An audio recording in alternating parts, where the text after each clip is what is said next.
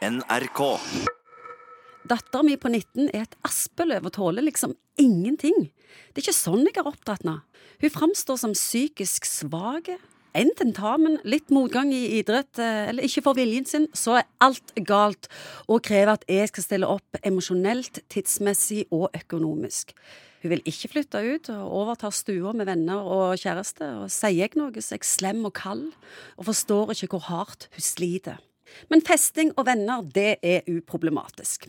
Dette sa ei jeg kjenner til meg en dag, og jeg har snakket med mange foreldre som fortviler over dette. Det er liksom ikke tak i ungene, sier de, og de lurer på hvor det gikk galt, og hva de sjøl har gjort galt. Psykolog Egon Hagen, hva har de gjort galt? Ja, jeg tror nok at vi har lært en generasjon unge å bli enormt flinke og kjenne etter hvordan de blir fatt med de. De har jo blitt generasjonen som har psykologiske problemer og som sliter. Ja, altså det er jo litt, litt paradoksale, for i veldig mange behandlingssammenhenger så, så sier vi som driver i denne businessen at uh, noe av kjerneproblemet er det vi kaller negativ egosentrisme. Det vil si at folk driver og lytter for mye på indre greier og kjenner om hjertet slår fort osv. så Uh, og så prøver vi folk å kan du la være med det, for hvis du holder på med å skal overvåke kroppen din på den måten, blir det ganske travelt. Og Samtidig som har vi en generasjon som vi på mange måter har til de grader kanskje lært opp til å kjenne etter på hvordan de har det. Forstått de i hæl? Forstått de i hæl. Og jeg sier at Nå er det jo masse undersøkelser hvor det viser seg at 17 år gamle jenter syns at livet er et ork mange ganger, og, så videre og så videre. Og så pleier jeg jo sagt i mange sammenhenger at hvis noen hadde spurt meg, Egon, når jeg var 16-17 år, syns du livet er et ork, så ville jeg jo selvfølgelig sagt klart at klart det er det, men det var ingen som spurte den gangen. Og nå blir de spurt litt sånn som du roper i skogen, får du svar. Men når konflikten står på i heimen, når det er kaldt, og når det har gått ei kule varmt, og når eh, foreldrene ikke vet hva de skal gjøre, for de føler de opplever at ungene, ungdommen drar psykologikortet. Ja, og man- da blir du jo arrestert, da blir du handlingslamma. Det kan bli brukt ganske manipulativt, dette. At Hvis du bare sier at mine følelser er sånn, eller jeg er bare tung og trist, og derfor må jeg få lov å få en ny iPhone.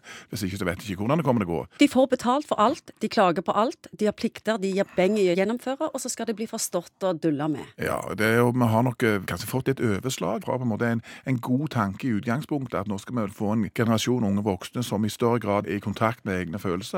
Så er det sikkert noen som drar dette litt langt ut. Og så blir det bare et virkemiddel for litt manipulasjon og styring i egne omgivelsene. Og det var jo ikke det som var planen. Hva sier du til en forelder som sitter i den handlingslamma situasjonen, ikke vet hva de skal gjøre, rett og slett? Jeg tror jeg tar et lite skritt tilbake. Jeg at Vi har en, en generasjon som er opptatt av rettigheter, hva de er entitled to. Og Det å bli lytta på, og det at subjektive krummelurer til enhver tid skal være retningsangivende for absolutt alle andre, det er noe som ligger i det. Samtidig så er det en enorm rastløshet, at ting skal skje lynraskt. og det er klart at Den kombinasjonen av å være ekstremt opptatt av eget følelsesmessig register og et krav til omgivelsene at disse tingene skal tilfredsstilles ganske umiddelbart, kan jo bli ganske vanskelig å håndtere. Og så sier jeg at vi som foreldre kanskje møter oss selv litt i døra da. Vi har bidratt til dette av tusen gode intensjoner, men vi vet jo det at veien til en viss plass kan være krydra med mange gode intensjoner. Og dette er faktisk et eksempel egentlig hvor eh, vi kanskje kan ha fått en, en litt sånn lite robuste generasjon, på en måte. For vi har lært de så til de grader å kjenne etter. Noen ganger så må du liksom bare klemme igjen og gønne på, og ikke gå og kjenne. Prøv å bidra en annen plass. I stedet bare å gå og kjenne etter hvor trist du er. Og så videre. Men jeg hadde, jeg hadde, jeg hadde et sånt bilde en gang, jeg så en tegning. Da var det ei lita eller ungdomsskolejente som kom hjem fra skolen, så står faren liksom bøyd over henne og sier ja, skjedde det noe trist på skolen i dag, da?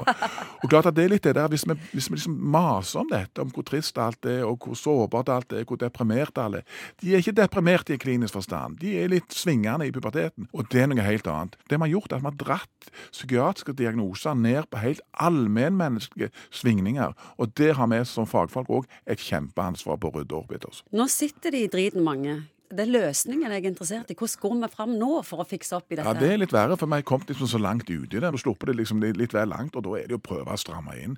La det bli noen konsekvenser i forhold til dette. La det bli konflikt. Ja, la det bli konflikt. Står du ikke for noen som forelder, så faller du fra alt. Det, nei, det der aksepterer vi ikke. Og så er det jo noen som da bør si at nei, de orker ikke mer, og så blir de liggende på sofaen som 22-åringer, og mor går der og vasker klær og håper at en eller annen gang så skal det kvikne til.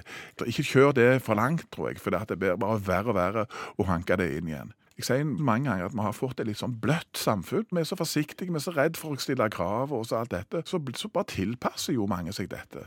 Og det blir en sånn sutregreie istedenfor å gå på med, liksom, med hvite knoger og si at OK, det er tøft og sånn som dette, og kreve, kreve sitt, men jeg skal pike det i jernet. Og av og til er livet vondt. Definitivt.